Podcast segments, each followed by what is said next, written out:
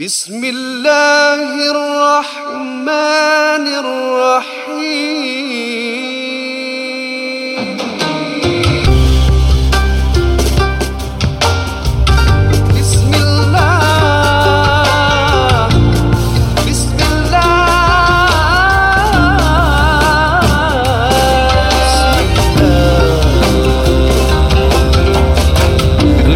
لله ذي الجلال والشارع الحرام والحلال ثم صلاة الله مع سلامي على النبي المصطفى التهامي Saudara, saudari yang sedang mendengar NGU saat dan tiket ini Alhamdulillah kita diberikan uh, Uh, peluang daripada Allah SWT untuk hidup satu hari lagi eh, yang mana kita peluang yang yang baik ini kita jalankanlah dengan sebaik mungkin dalam mendengar rancangan-rancangan NJU mendengar jawapan-jawapan yang ditengahkan oleh yang berbahagia Al-Fadhil Ustaz Muhammad Nuzhan yang bersama kita. Dah dah 2 tahun Ustaz kita bersama Ustaz ya. Dah 2 tahun Ustaz ya Uh, dan uh, juga uh, semoga kita dapat manfaat. Dalam mana kita bukan sekadar mendengar dan mempelajari sesuatu kita amalkan itu harapan kami. Amalan dalam segi ibadah. Kita tahu bahawasanya ibadah korban itu adalah sesuatu yang sunnah muakkadah. Sunnah yang digalak-galakkan sangat-sangat. Ayo sama-sama kita lakukan. Atas nama ayah boleh atas nama ibu boleh beritahu kepada kawan-kawan semuanya.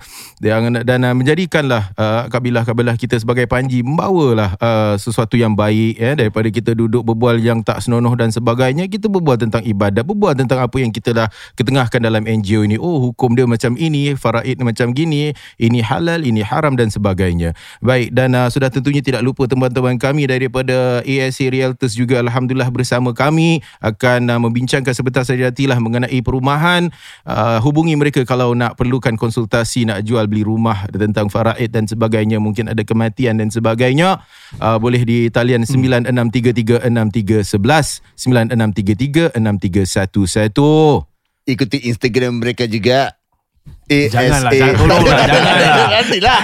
Janganlah. Cuba, cuba, cuba, cuba. Cuba, Ya. cuba. Ya. Ikuti Instagram mereka juga. ASA underscore realtors. Silakan Ah, Ustaz ya. Okay lah, saya biasa je tak nak ikut lah eh. Ya. Now it's on to the show. Let's go.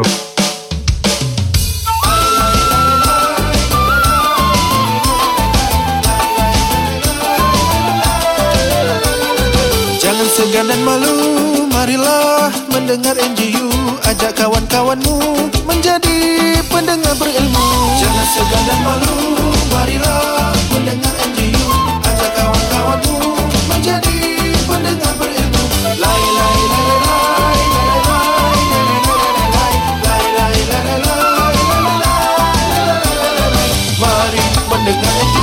kembali di podcast Good ini question. dan dalam masa yang sama. Oh, Hmm. Ustaz bertanya tadi ya Oh ya, soalan. tadi saya tanya, tadi bila Din ni macam penceramah, yang Zar pun macam penceramah kan, saya tengok ini kalau berpotensi lah jadi asatiza-asatiza ni. Hmm. Uh, good orators lah eh. Uh, Uh, saya pun tanya, siapa penceramah yang anda suka? Kenapa gaya mereka tu awak suka kan? Mungkin Hmm. boleh kita pelajari sesuatu daripada oratory orang kan. Kalau Zar siapa? Saya Razi siapa? Din siapa? Hmm. saya uh, buat masa ni like recently saya Hmm. been consuming a lot of English Islamic content Okay. sebab um, I mean with no disrespect to uh, Ya, penceramah ya, kita ya, yang berbahasa Melayu Ya. tapi ada kalanya bila kita lihat uh, apa yang dikongsi sama Mm-mm. oleh uh, para asatizah di UK Mm-mm. di US Mm-mm. their discourse about religion sudah pun melebihi Ya. apa yang kita telah pun cakap di sini Bincangkan. contohnya macam kita di sini ada yang masih berdebat tentang maulid lah ya. Mas- tentang tasawuf dan seumpamanya kita bertanya-tanya soalan yang kira mungkin kena dengan region sini lah Ya. Hmm. uh, dan juga beberapa praktik-praktik uh, utama sama ada okey atau tidak dalil-dalil dan seumpamanya Mm-mm. kalau di sana saya lebih lihat um, uh, bukan perbalahan tapi perkongsian berkenaan dengan uh, pandangan Islam berkenaan dengan gender identity Nah, uh, berkenaan dengan Betul. uh, you know um, contemporary, contemporary issues, world. LGBT Ya. tentang uh, trans tentang uh, juga perbicaraan mereka tentang uh, gender equality Ya. dan bagaimana um, the discussion yang mereka letakkan dan saya lihat daripada semua sudut daripada pihak konservatif Mm-mm. mereka yang a bit more uh, liberal mhm. atau progressive when you talk about it ada yang lebih apolitical Mm-mm. uh, dan it's very interesting sebab uh, bagi saya apa yang berlaku di negara barat dia akan ambil beberapa uh, bulan Masa. ataupun tahun dan perbincangan ini akan uh, masuk Ya, ke dalam okey. ekosistem kita Betul. dalam beberapa uh, bulan akan datang nanti and, Ya. and it, it travels really fast. Dan uh, sebagai pihak NGU kita harus bersedia Betul. untuk bukan cakap confront these issues tapi bersedia untuk uh, menjawab and be brave to have this sort of discussions. Okay. Eh, Well, actually my response eh, walaupun kita berada di macam mana kita kata Nusantara atau lingua franca Melayu eh, dan kita tak nafikan bahawa permasalahan yang ada di sini seperti hukum-hukum, dalil-dalil, perbincangan seharian kita sebagai masyarakat Melayu, budaya, adat, uruf eh, itu tetap akan ada perbincangan tersebut. Tak boleh lari. Tapi kita ni dekat Singapura khususnya, it's like Yeah. East meets West tau, Singapura ni. true, true. So kita kalau mendengar Saya juga mendengar ulama-ulama Daripada western punya pandangan eh Kerana keadaan kita kat Singapura ni memang mad'u ataupun our our target audience they are facing with these issues daily hmm. di hadapan dan hmm. tak payah lama kalau mungkin kat negara-negara jiran tak secepat di Singapura maka saya pun mendengarlah tapi siapa siapa nama-nama orang-orang tersebut yang di uh, di di Eropah dan sebagainya Um, wah nak cakap tak payahlah. Ha, Nanti payah. orang judge pula apa Oh, saya okey, sebab faham, saya faham, dengar faham. daripada pelbagai semua spektrum. semua ya. Kalau saya namakan ulama konservatif, nanti orang mereka yang lebih progresif cakap Ya. oh, kau dengar ni. Kalau Ya, saya I see. namakan Betul. ulama yang progresif, orang-orang yang mungkin berpegang pada syiar agama akan mengatakan Betul. eh kau ni sesat dah dengar ini. So Tap- da- dari dalam dunia akademia saya nak tekankan di Ya, sini tu dia. tidak salah untuk mendengar Betul. pandangan sesiapa Betul. asalkan kita tahu Memilih. tujuan kita bagaimana um, dan bagaimana kita nak mempraktikkan dinul Islam daripada sudut pandangan masing-masing apa yang penting kita tidak taklid kepada sesuatu uh, Ya. orang kata tu pandangan Ya. Tak masuk ya. ya tak tak terlalu taksub Mm-mm. kita sa- uh, prinsip saya dalam uh, Islam adalah apa yang saya ikuti Mm-mm. berlandaskan al-Quran dan juga sunnah uh, apa yang ada dan juga pandangan uh, para ulama dan juga asatizah yang ada dalam konteks Singapura saya mendengar pandangan asatizah Betul. di Singapura Ah, Betul. Bahkan itu sebenarnya tradisi keilmuan. Tradisi keilmuan adalah dengan mendengar kepelbagaian, dengan mendengar kerencaman, dengan pelbagai dan perbanyakkan guru. Kerana tidak mungkin satu orang guru boleh ya ada semua jawapan dan semua ilmu yang ada. Ini yang dilakukan oleh Imam Bukhari dengan ber- ratusan guru ini dilakukan Mm-mm. oleh para ulama kita. Jadi kita pandai memilih dan juga kita jangan bila dengar kawan kita dengar ustaz-ustaz ni terus kita terus anti. Ah, Dia dengar ustaz ni, dia Ya, dengar ya, ustaz lain-lain juga. Jadi kita memperkaya dan memperkasakan insya-Allah. Kalau uh, Razi pula siapa Razi? Pen, penceramah Saya yang, kalau kalau lokal memang saya minat mendengar Ustaz Syafi, uh, masya-Allah. Ustaz Tian Fauzi uh, dan Ustaz Ahmad Dari. Masya-Allah. ya, masya-Allah. um, kalau tentang kalau di Malaysia lah memang Hmm. saya minat dengan Ustaz Azaidrus. ah, Hmm. kemah kemih. oh yeah I kemah love kemih. yeah, love Ah. guy Ustaz Zaidrus pun baru-baru ni ada orang asyik tanya asyik isukan eh asyik isukan kenapa ada lawak di, di antara ni dia dia Masih mula-mula tanya ke? masih tanya dan dia jawab dia jawab dia kata Hmm. mu ah, mu mai sini aku duduk 2 jam 3 jam sini aku aku ajar lurus saja mu boleh duduk lama Hmm. dan ni ada orang muda nak tanya hukum apa-apa kita kasih dia orang rehat sedikit jadi dia buat seperti itu dia ada alasan tertentu Hmm. dan bagi saya um, baguslah setiap daripada mereka ada cara tersendiri yang mungkin kalau kita selesa kita teruskan dan Hmm. Ustaz Zaidrus seorang yang fakih juga eh menjawab-jawab soalan fardu ain Sekarang cara, uh, cara Ustaz Zaidrus pernah menjawab satu soalan mengatakan kalau kita jalan dengan isteri kita kat luar, Ha. eh, jalan dengan isteri Ha. uh, haram ke halal? Habis? Hmm? Jadi Ustaz Zaidrus cakap hukum jalan dengan isteri kalau kita pegang tangan memang haram. Orang semua terperanjat. Hmm. Kena cakap kalau pegang isteri orang tu dia punya joke dia lah. Uh, haram lah. Ini- Ini joke dia lah.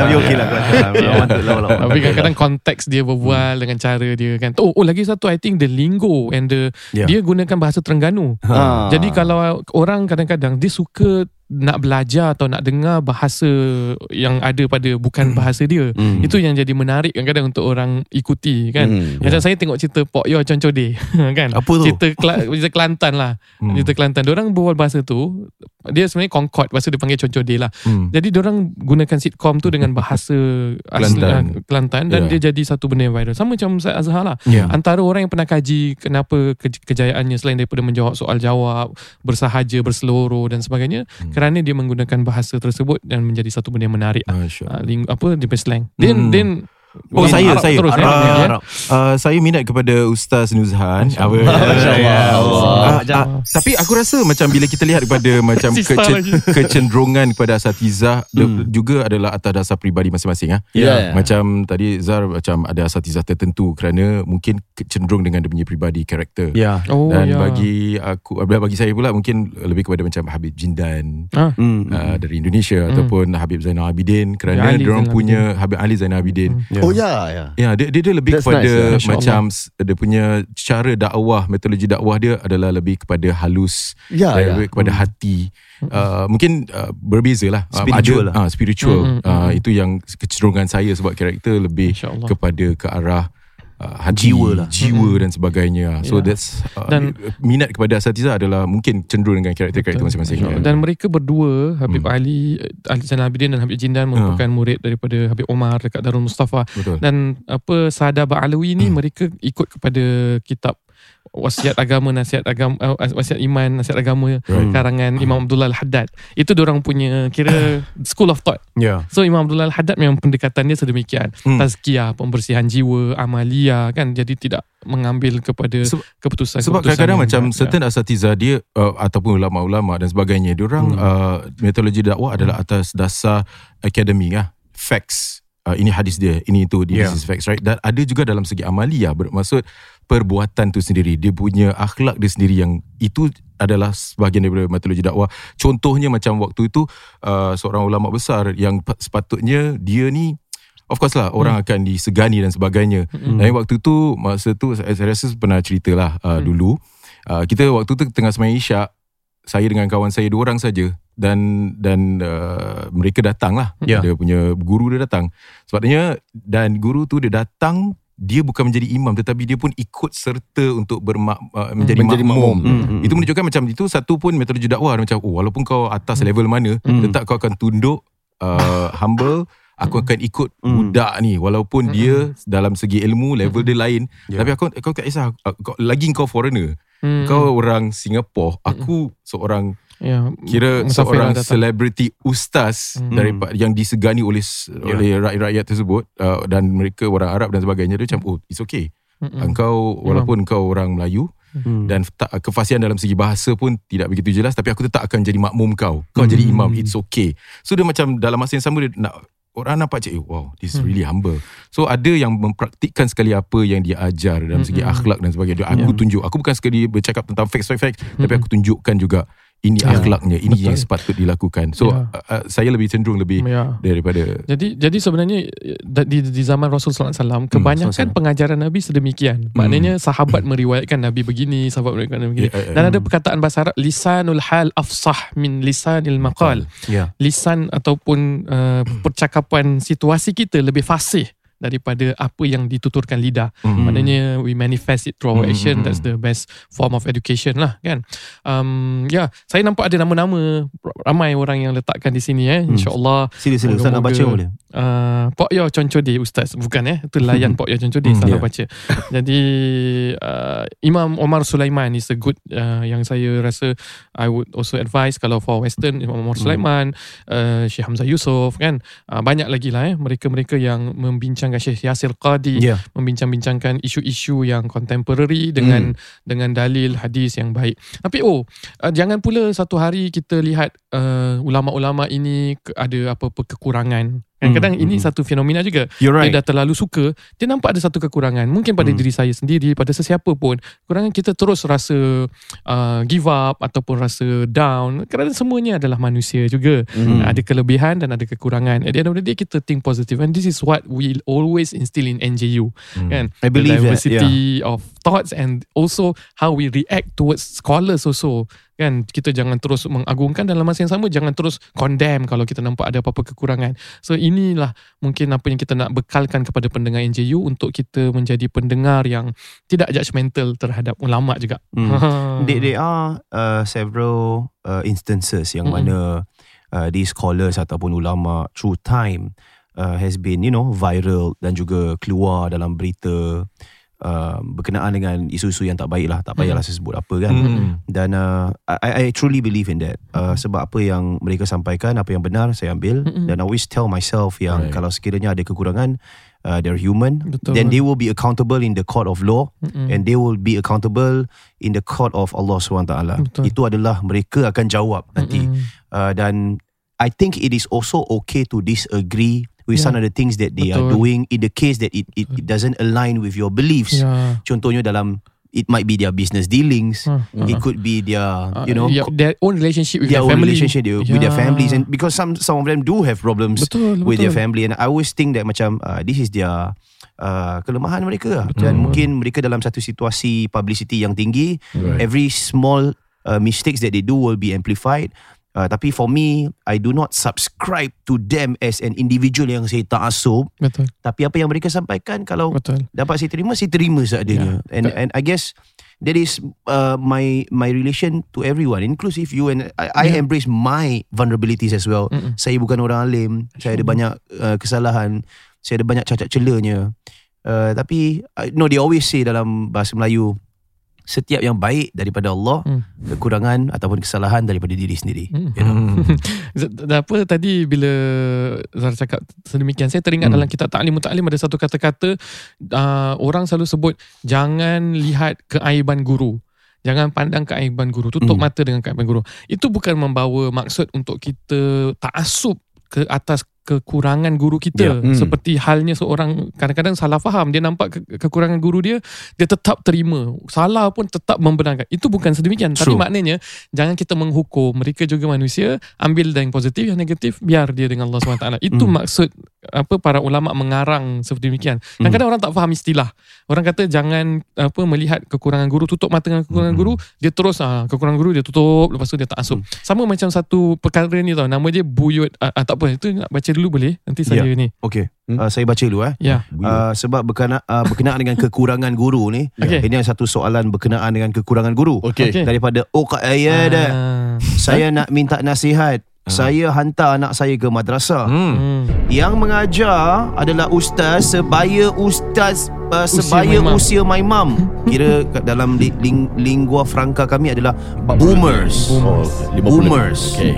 My son kata Ustaz speaks sound amateur And he don't really understand Dan ini yang membuat dia malas ke madrasah Hmm. Kerana Ustaz kata Bisikan syaitan Sebab tu dia ponting madrasah Boleh suggest tak Ustaz yang mapan harus upgrade In order to teach this new generation Okey. Boleh saya cakap sesuatu? Silakan, Ya. bagus.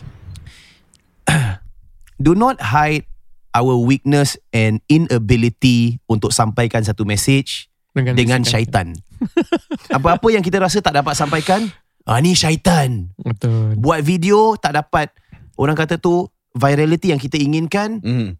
kita blame ah ni sebab masyarakat ah dah tak nak lagi tengok keadaan sedemikian. Okey. I feel as a marketer dan juga as a content creator, we must accept our shortcomings and do something about it. Betul. You know, people are saying, "Oh, adakah nak buat bahan ni adalah untuk mengejar populariti? Adalah buat bahan ni hanya nak Mm-mm. only those hype stuff kita tolak.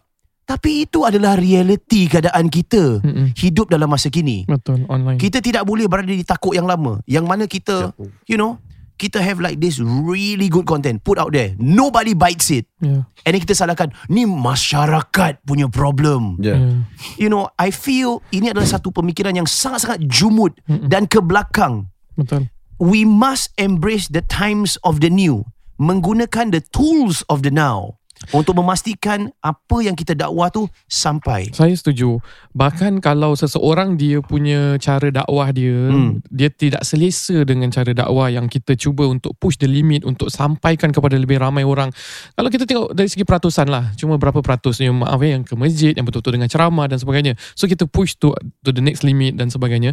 Kalau seandainya kita tidak boleh pergi ke situ dan tak ingin ataupun bukan dengan cara kita, Hmm. maka jangan sekat juga orang yang nak pergi ke sana. Itu pun dah cukup baik. You're right. Ya itu pun dah cukup baik hmm. Kalau tak sokong pun Tapi jangan sekat ah, Masa kita pun pernah terima juga NJU sendiri pernah terima Hmm, yeah. Oh cara dakwah mereka begini begitu Okay Tadi in defense to the institution I'm not sure whether it's a school Or it's a Hmm, madrasah Or it's yeah. a tuition center I think asatiza di madrasah Alhamdulillah Mereka selalu diantar untuk upgrade eh, uh, Skill mereka Asatiza senior dan sebagainya Tapi dalam masa yang sama Kita pun faham lah Ada asatiza senior Sebaiknya jangan uh, Mereka biar Kalau saya di madrasah dulu Hmm. Asatiza-asatiza senior kita tu semua ajar kita bila kita dah pre-U level. Yeah. When we can appreciate their wisdom. Hmm. When we are there to learn and then kita boleh nampak, kita boleh pick up all the positive things ourselves kan. Tapi kalau dia diletakkan untuk ajar the lower primary, untuk hantar minat ke orang ke madrasah. Lepas Yes. tu dia talk satu cerita lain, budak pula dah, dah, dah pergi ke laut ke kan dan sebagainya tak tak dapat nak the same frequency. Then itu sebenarnya mencerminkan kita tak dapat nak menarik perhatian seseorang tu untuk minat madrasah. Saya, saya juga nak kongsi bahasanya uh, you know dalam satu uh, sistem kita berdakwah ni ini satu education system juga. Hmm. Kalau kita lihat bagaimana guru-guru sekular eh Mm-mm. walaupun mereka dah setua mana Hmm. they are forced Hmm. to go for bengkel-bengkel untuk upgrade diri Mm-mm, mereka. mm-mm. And in the case they cannot compete, you Mm. see diorang kadang ditolak ke department Department. department yang tidak relevan. And that signals orang kata tu dah sudah hentak kaki ya. You see, they identify orang-orang yang tak dapat um, orang kata tu be effective in their teaching and put them in places yang Mm-mm. mana they can be berkhidmat Betul. di situasi tu. And I feel there is value to that. Betul. Dalam sistem dakwah kita, dalam sistem madrasah yang ada adalah untuk memastikan these are the things that we've got to polish up Hmm. because we are losing kids Betul. to other.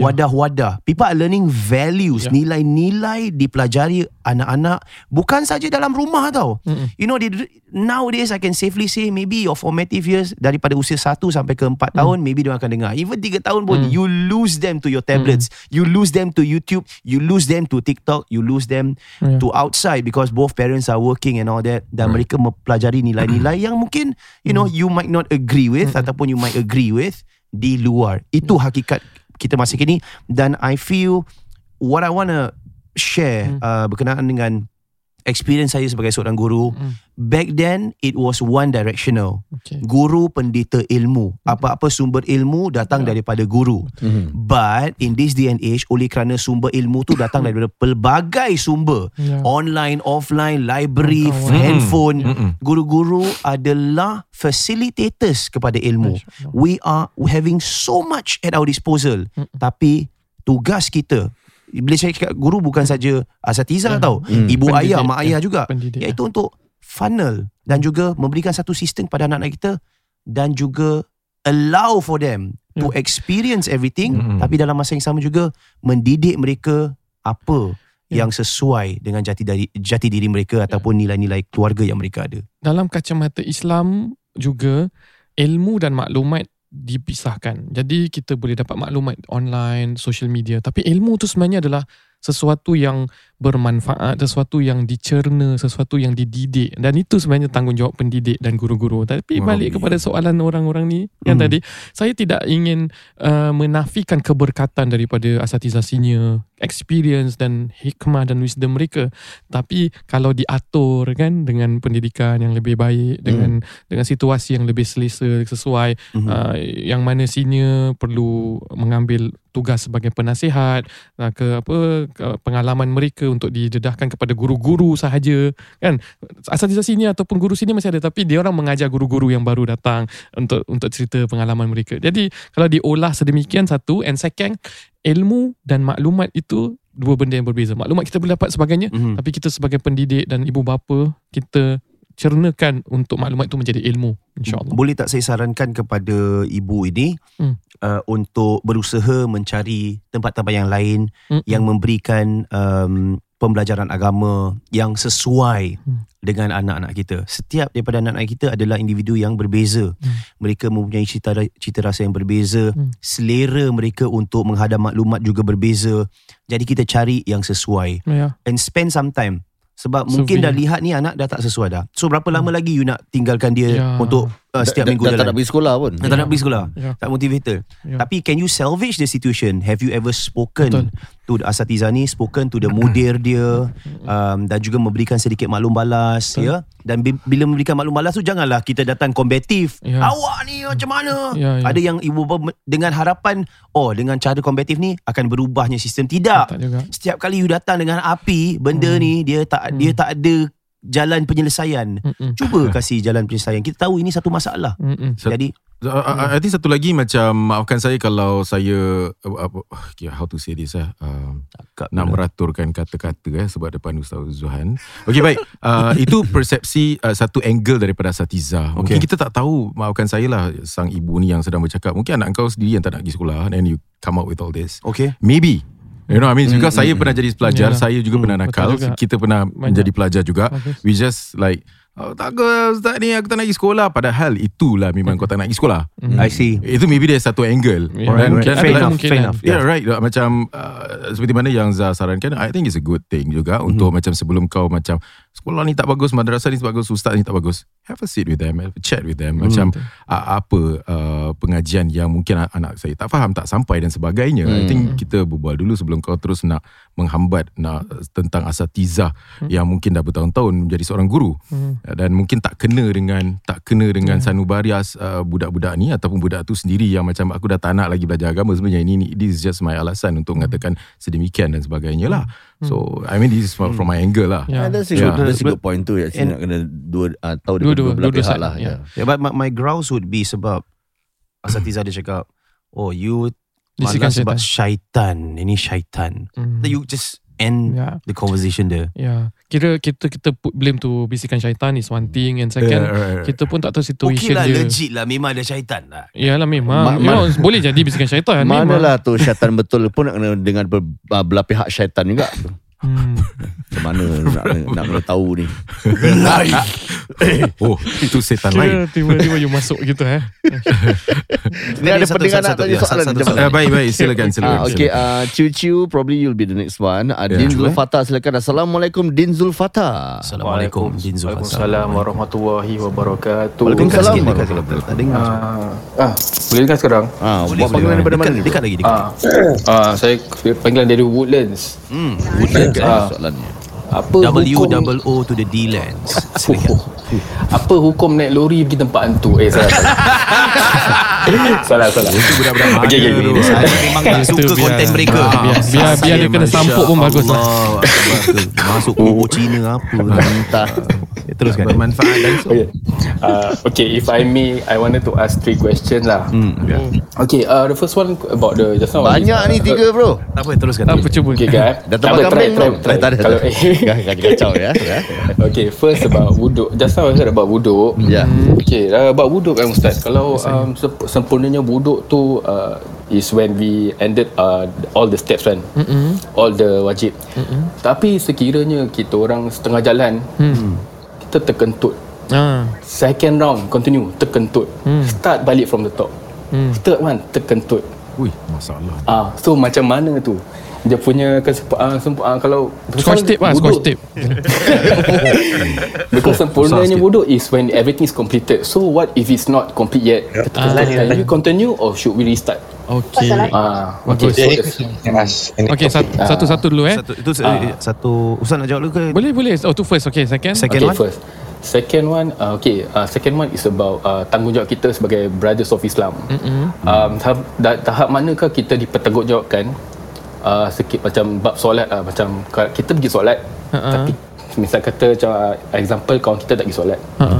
Tapi at the same time kita, dia memang dah make a point dia tak nak solat tapi kita orang kita tahu tanggungjawab kita kita kena ajak dia solat lah Mm-mm. so uh, to what extent do we kita dipertanggungan Mm-mm. Okay. bab solat eh ni ni tukang kawan aja lah pak cik ke Okay. ayah ke Yalah, brothers of Islam. lah uh, because kita tak nak uh, sikit kaki dorang eh Ah. Okay, then in the last one, uh, my question will be najis anak-anak lah. Okay, anak-anak Ah, lelaki macam perempuan. perum, dua-dua lelaki perempuan. Uh, for my experience with muntah and kencing kadang-kadang dia akan bertakung kadang-kadang dia akan menitik. So to what extent dia punya najis tu kita uh, harus macam mana kita nak bersihkan. Okay. for me uh, sekali tak ada apa so what I did is like make sure tak ada bau uh, color and as long I did it for seven times lah. I don't know whether it's too extreme, Oh. but but yeah, that's what I did lah. So I want to know the correct step and the fast step because sometimes it really take a lot of time lah. So Okay, thank you. Thank kasih, you. eh. Okay, thank you. Uh, saya nak promo sikit Kita ada sabun bidara eh, tadi Sabun Tohir Tahu tahu okay. okay. Boleh apa? Terima kasih, Ustaz. Ambil balik eh. Terima kasih.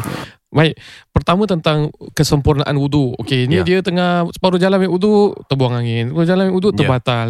Jadi jawapan dia adalah Hmm. Pergi doktor. buang angin. No, no, buang angin kasi habis dulu ambil wudu.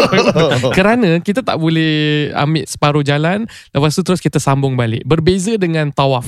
Melainkan kalau kamu sedang melaksanakan tawaf, umrah Hmm. atau ha- Ya. tawaf haji. Kamu dah tawaf yang ketiga, kamu terbatal wudu, kamu ambil wudu, sambung balik pada tawaf kamu yang keempat, lima, enam, tujuh. Bukan daripada awal balik. Ah, Hmm. Ada ibadah sedemikian. Tapi kalau wudu, solat dan sebagainya, kita dah separuh jalan solat terbatal, kita kena start daripada awal balik. Eh. Jadi saya nasihatkan ni lah, ah, pergi doktor. Pasal kadang-kadang ni penyakit was-was. Kita tak rasa nak buang angin, tiba-tiba ambil wudu baru terasa kan. Ah, itu biasalah kita lawan tu dengan keyakinan. Eh. Hmm. Baik, itu yang pertama. Kedua, mengenai apa sebelum bayi tadi? Uh, Uh, Yang kedua Kedua. Tentang um, Ajak apa ni? kawan solat ni Ah, Habis sejauh adakah dia- mana Ya, tanggungjawab sejauh kita sebagai orang Islam? Brothers Ya. of Islam. Brothers of Islam Ya. Okay memang kita kena apa wal takum minkum ummatu yad'una ilal khair wa ya'muruna bil ma'ruf wa yanhauna 'anil munkar. Hendaklah di antara kamu umat yang senantiasa memerintahkan eh, menyeru kepada kebaikan dan men, apa menjauhi kemungkaran banyak ayat-ayat tentang ini. Tetapi seperti mana yang pernah kita bincangkan selalu Mm-mm. tidaklah jadi sampai berdosa kalau seandainya kita tidak menyuruh mereka kerana tanggapan kita kalau kita langsung menyuruh mereka akan terjadi perselisihan akan terjadi apa orang kata kekecohan. Kan? Kadang-kadang kita nak jalan jauh. Think of it as a marathon. Think of it as macam mana cara yang paling hikmah untuk aku ajar? Adakah sekali cakap Lepas tu minggu depan cakap lagi Ataupun tunjuk saja Ataupun ajak dengan cara yang baik Ataupun aku cakap sekali Dah Dah habis Terus aku buat bodoh je. Mhm. So kita kena tengok secara objektif. Kalau kita tengok daripada kacamata hukum Kita akan cakap ah Yang penting aku tak berdosa Dah lah aku dah cakap. Tapi kita ca- cari daripada kacamata hikmah Yang mana aku nak bawa dia kepada kebaikan. Bila kita ada hikmah tersebut InsyaAllah kita tak jadi dosa. Pasal Hmm. kita di hadapan Allah Allah kata Kenapa kau tak nasihat? Ya Allah aku bukan tak nasihat. Pasal kalau aku nasihat sekarang Dia mungkin tak semayang Hmm. kalau aku tak cakap Dia tak gini Aku ikut ijtihad aku sendiri Ya. Apa yang terbaik Yang penting aku nak bawa dia Untuk semayang pada engkau ya Allah Hmm. Jadi apa cara sekalipun Yang penting niat kita adalah Untuk senantiasa membawa dia kepada kebaikan Walaupun itu tak cakap pada masa itu Walaupun itu hanya tunjuk Walaupun itu hanya senyuman Tapi kita ada cita-cita Untuk berdakwah sedemikian Itu yang paling penting Daripada praktikal-praktikal Kerana situasi berbeza Mhm. Ketiga Mengenai orang yang Oh najis Najis anak lelaki Dengan anak perempuan sebenarnya lain Khususnya mereka yang tidak Najis pun tak gender equal Lain kerana ada hadis macam ni. Bila Rasul sallallahu alaihi wasallam pernah ada seorang bayi lelaki yang mana ter, uh, bila nak ditahnikkan terbuang air kecil, kemudian Nabi cuma renjiskan sahaja najis tersebut Ya. dengan air. Jadi tidak sampai mengalirkan. Apa Dia- hikmah di sebalik ni Hikmah dia kerana my, daripada my, my jaw is Bagus. dropping right now I'm like Bagus. wow daripada si sistem production apa bayi lelaki dengan perempuan berbeza apabila mereka buang air kecil. But biologically components najis hampir sama Ya, Ustaz. but, but the apa sistem mereka menghadamkan najis pada usia yang mana mereka hanya minum susu itu berbeza atas kajian. Uh, maknanya uh, le- lebih lebih teruk lagi najis sedemikian. You know I'm going to revisit this topic. Yes, right? Ya, ya, ya. yes. Ya, Teruskan. Bagus tapi it's good. So so uh, daripada seorang bayi kecil yang belum minum susu kan itu Hmm. boleh hanya merenjiskan. Itu yang kita panggil najis yang paling ringan kerana dalam zaman True. Nabi SAW Nabi renjiskan saja. Tapi kalau secara biasa Hmm. air kencing ah, on a common ni lah anak-anak kita kita tak payah sampai tujuh kali. Itu kalau najis berat, Hmm. najis yang mana Mughallaza. Mughallaza yang mana dalam al-Quran ya, dalam hadis iza kalbu ina ahadikum. Nabi sebutkan kalau menjilat ke atas kamu apa bekas daripada jilatan anjing ataupun dalam al-Quran uh, walahmul khinzir wa uhilla bihi li ghairillah. Ini semua dalil-dalil yang memang menyebutkan sehingga kena tujuh kali. Tapi kalau najis kencing dan ni Uh, asalkan paling bagus kita kalau pakai wet tissue boleh dan kalau ada jirusan air lagi baik lagi sempurna hingga hilang rasa bau dan warna Ya. Masih okay but um, Oh that's the three questions already ya Ya, ya, ya. Baik kita terima kasih Hmm. Kerana sudi mendengar uh, Ruangan pada hari ini. Kita Hmm. berehat seketika Bersama dengan teman-teman penaja Sejurus lepas ini. Stand by I want Ustaz? NJU Akan kembali selepas ini Sana syuaya ma'ana Saudara podcast ini diberikan khas kepada anda oleh teman-teman kami di ASA Realtors Dapatkan uh, khidmat konsultasi hartanah secara percuma bagi mereka yang nak jual beli rumah dan sebagainya bersama dengan yang berbahagia Ustaz, Agent Syahid, Superstar Achiever dan teman-teman mereka daripada ASA Realtors. Hubungi mereka di talian 9633-6311 9633-6311. Dan ikuti Instagram mereka ASA underscore Realtors The Realtors, Kena- eh? Yeah Ni ada ada swag dia lah. Ya, hai, hai. Walaupun ustaz-ustaz Tapi ada swag dia Yes, sir. Ya, Ustaz swag bahaya eh Jangan main-main eh Mm. Ustaz swag ni macam Tengok Ustaz Syahid ni pun bahaya juga Ya. Tapi Apa dah, yang dah, bahayanya? dah, dah berkahwin Apa eh? yang Ustaz- bahayanya? Ha? Tak pasal Ah, uh, cabaran dia lebih uh, lebih tinggi lah cabaran untuk Ustaz Syahid pasal Ustaz agent successful handsome Karisma. Ah.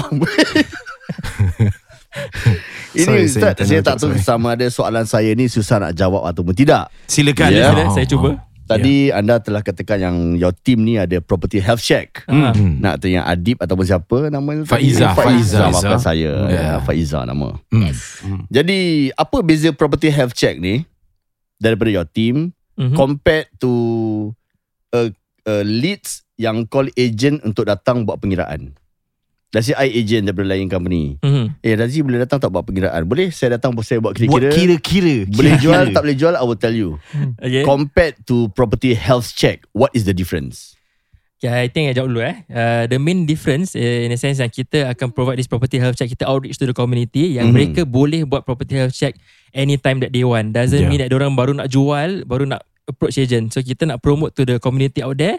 Kalau orang ada own a property, Mm. then do their property health check annually. I see. So that that's what we are trying to promote lah. Macam let's say kita kalau health check, I'm not sure you all buat health check annually tak eh? Saya belum berani lagi. Belum ni eh? Ah, Health check health check bukan apa? property tau. Uh, Medical. uh, medical. Saya belum berani Sama, lagi. sama. Belum berani eh? Sekali Zal, dah, kau dah dah? apa-apa? Tak, aku takut lah. Tu lah. Takut discover something. Din lah. dah, Din dah. Aku dah.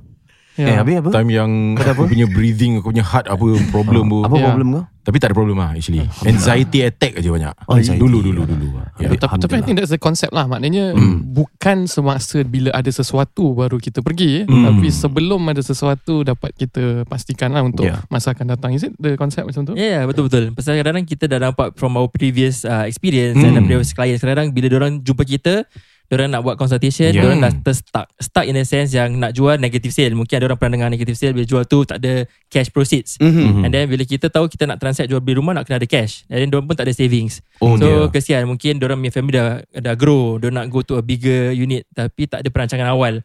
So diorang sekarang ni baru terus nak jual tapi tak boleh pasal diorang tak ada savings, there's a Hmm. negative sale.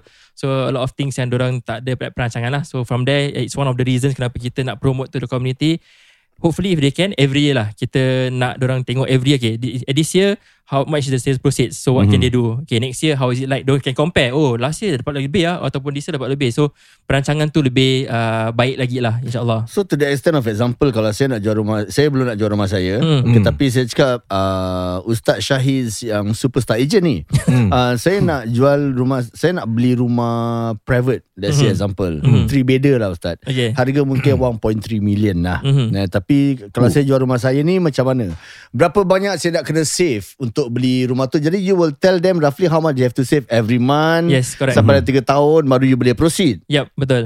Oh I see Yeah, so that's the whole idea of doing this uh, property health check lah untuk orang boleh uh, apa tu orang kata tu olak langkah eh apa yang Melayu Mengorakkan Ah, langkah. Mengorak, langkah. mengorak. mengorak langkah uh, keris yang mengilau okay tak ah.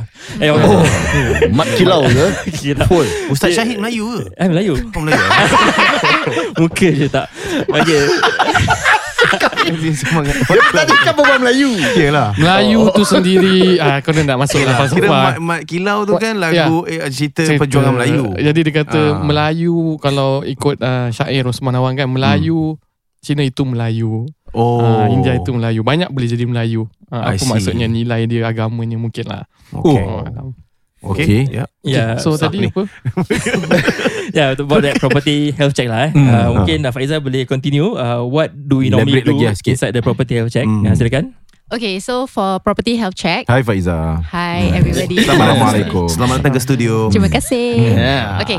Um, so like what um, Agent Syahid cakap lah. So property health check doesn't mean like um, bila you nak jual baru you start to call us. So it doesn't matter even if you are just like curious, you just want to know, uh, or you macam dengar-dengar uh, daripada orang lain that eh now the market tengah macam ini. So I want to know more. So that's where we come in lah. We don't mind even if like you're not selling, it's okay. Just call us and then um, we'll just do the calculations for you. So for example, even if your house belum nak MOP ke Yeah. and if it's going to MOP like next year, next two years, it's still okay. So that you know actually, oh, um, how much uh, roughly like how much sales proceeds you might have. Hmm, I I see. see. Yeah, then that's where you can plan. Like maybe before that you fikir macam, oh, I I rasa I just want to go for like um, five room, upgrade to five room or upgrade to executive. But then with the property health check, you actually have much more sales proceeds. So you can actually plan better. Mhm. Yeah, maybe you can even go um, to private property or something like that. Alright. Uh, kita bersama juga dengan uh, Adib eh. Ya saya Adib. Oh, Adib mesti Eh, tak Adik, dengar. mic eh. tak dengar eh. Adib Mic mic, Adib eh. uh, belum. Oh belum. Test lagi, test lagi Adib Adib. umur Hello berapa Adib? hello Hello Ah, baru dengar. Okey. Selamat kembali ke studio. Ah, sorry. Hai Adib. Ah, Ya saya Jadi adakah selain daripada health check, adakah korang juga buat macam updates lah? Contohnya macam korang tahu one of your client macam uh, okay lah mungkin insyaAllah lah tengoklah macam mana 5 tahun 6 tahun akan datang kita nak cuba private lah. Lepas tu ada macam ada launching eh, ada uh, tempat-tempat baru dan korang akan update juga. Do you guys do that Yes, for, yes. for your kita, clients as well? Kita will follow up with all the leads that we have. Mhm. So kirakan kalau ada new launches, uh, it depends kalau Mhm. uh, apa perancangan diorang. Kalau Mhm. new launches, then kita akan bilang new launches diorang. Mhm. Uh, I mean the new launches. Hmm. And basically kalau ada macam uh, bank rates, kalau naik turun and all that. So all these latest uh, updates we will let them know so Mhm. that they can better rancang the next move lah basically. I see. Okay. So you're trying to say that actually you have all these contacts in your phone at your fingertips to tell us all the updates. Uh, ya saya. That's Hmm. important. Yeah. That's why Important, they eh? are the professional ASA agent of the superstar of the professional agents. Uh, saya, Okay. saya saya dapat bayangkan kira macam kalau pergi doktor lepas tu pasal dia health check kan pergi doktor dia doktor tengok uh, ni awak punya darah tinggi seperti ni Mhm. awak punya apa um, uric acid seperti ni Ya. awak punya ni so in future lagi setahun dua tahun Mhm. kita tahu mana satu yang boleh kita perbaiki Yep. mana satu yang perlu kita tak perbaiki dalam kata-kata bahasa Arab pun al-wiqayatu Khairun minal ilaj. khairun minal ilaj Mhm. prevention is better than cure Betul? jadi maksudnya tu dari segi perubatan kalau dah teruk baru kita pergi Hmm. mungkin kita tak dapat banyak pilihan lah. Hmm. Tapi kalau daripada awal kita pergi mungkin okay you, if you you punya uh, kemampuan adalah di sini. Kalau you punya target di sini daripada setahun you kena fokus lebihkan kat CPF. Mhm. Uh, kalau ni you punya fokus kena lebihkan dekat cash. Something like that lah. So that's the concept about Mhm. uh, apa prevention ataupun perancangan lah and that is a medical term yang saya rasa superbly uh, being converted into uh, property eh. So when, come, when comes to property concept kira if let's say you buat kira-kira then or your CPF cuma boleh tahan lagi 6 bulan je tau. Mhm. Lepas ni nak kena top up cash. So should you sell or you should just hold on to that property tahan lagi berapa lama yang you boleh tahan. Yep. Something yep. like that lah. That Yeah, we advise that accordingly lah. Once we see the figures, Yeah. kita boleh nampak uh, what is the best option. So Mhm. again lah, kita punya motto pun with knowledge you can make the right decision kan. Memang Yeah. itu yang kita nak sampaikan kepada masyarakat. Yes. Kita kena, kena ada ilmu tu. Once kita ada ilmu tu, kita tak ada orang boleh paksa. Kalau betul kita cakap apa, dia tak nak ikut pun, tak ada orang boleh force Mhm. you to do that. But importantly, you have the knowledge Yeah. to to do that uh, next move lah. Pasal property in Singapore, we know that is the most, might be the most expensive purchase yang kita buat. Mhm. So nak kena ada betul-betul ilmu lah. So maybe at the last pun kita nak macam Ustaz kata lah kita nak uh, gandingkan dia dengan agama kita. Yeah. Yeah. It's nice way of life. Macam banyak hadis uh, Nabi SAW. Sallallahu Macam alaihi kita macam let's say dia ajar untuk baca Bismillahirrahmanirrahim la yadur ma'asmi syai'un fil ardi wala fis sama'i wa huwa alim tiga hari Mhm. pagi tadi petang untuk agar kita tak dapat uh, waktu ham uh, makan kurma ajwa tujuh hari tu. These are all prevention lah. Hopefully bila kita amalkan all these kind of things kita boleh elakkan daripada benda-benda yang mungkin kemudaratan. So sama juga property health check kita kalau buat dia constantly insyaAllah in future kita dapat elakkan daripada situasi yang kita mungkin stuck ataupun mungkin kita tak dapat buat apa-apa lagi Mhm. so that's the whole idea of the property health check lah Health check ni free ke apa? yes free Yeah, free. Oh, asal tak ambil sikit ke 100 dolar ke apa? tak, tak nak ambil lah eh. Eh, 100 bro. Aku rasa 20 ketol pun dah boleh buat untung juga. Oh, yalah. Diorang dah kasih health check, health check Nanti diorang pergi kat ejen lain macam mana? Oh, apa jadi bekalan tu akhirat insyaAllah Oh, Masya Allah. Kan kita InsyaAllah. dah ditentukan bila dilahirkan ada tiga perkara. Ajal kita, jodoh kita dan rezeki. Jadi Ya, tunggu lagi lah masanya mungkin anda dijodohkan dengan ASA Realtors untuk melakukan transaksi Oi. hartanah anda. Mana ada transaksi dalam perkataan Melayu? Ada Oh, lah. ada, ada, okay. Aku duta bahasa aku tahu lah. Inilah masanya untuk menghubungi mereka dengan segera ASA Realtors. Bagi dapatkan health check lah uh, daripada mereka dengan uh, hubungi saja 9633 6311 9633 6311. Ikuti Instagram mereka ASA underscore Realtors.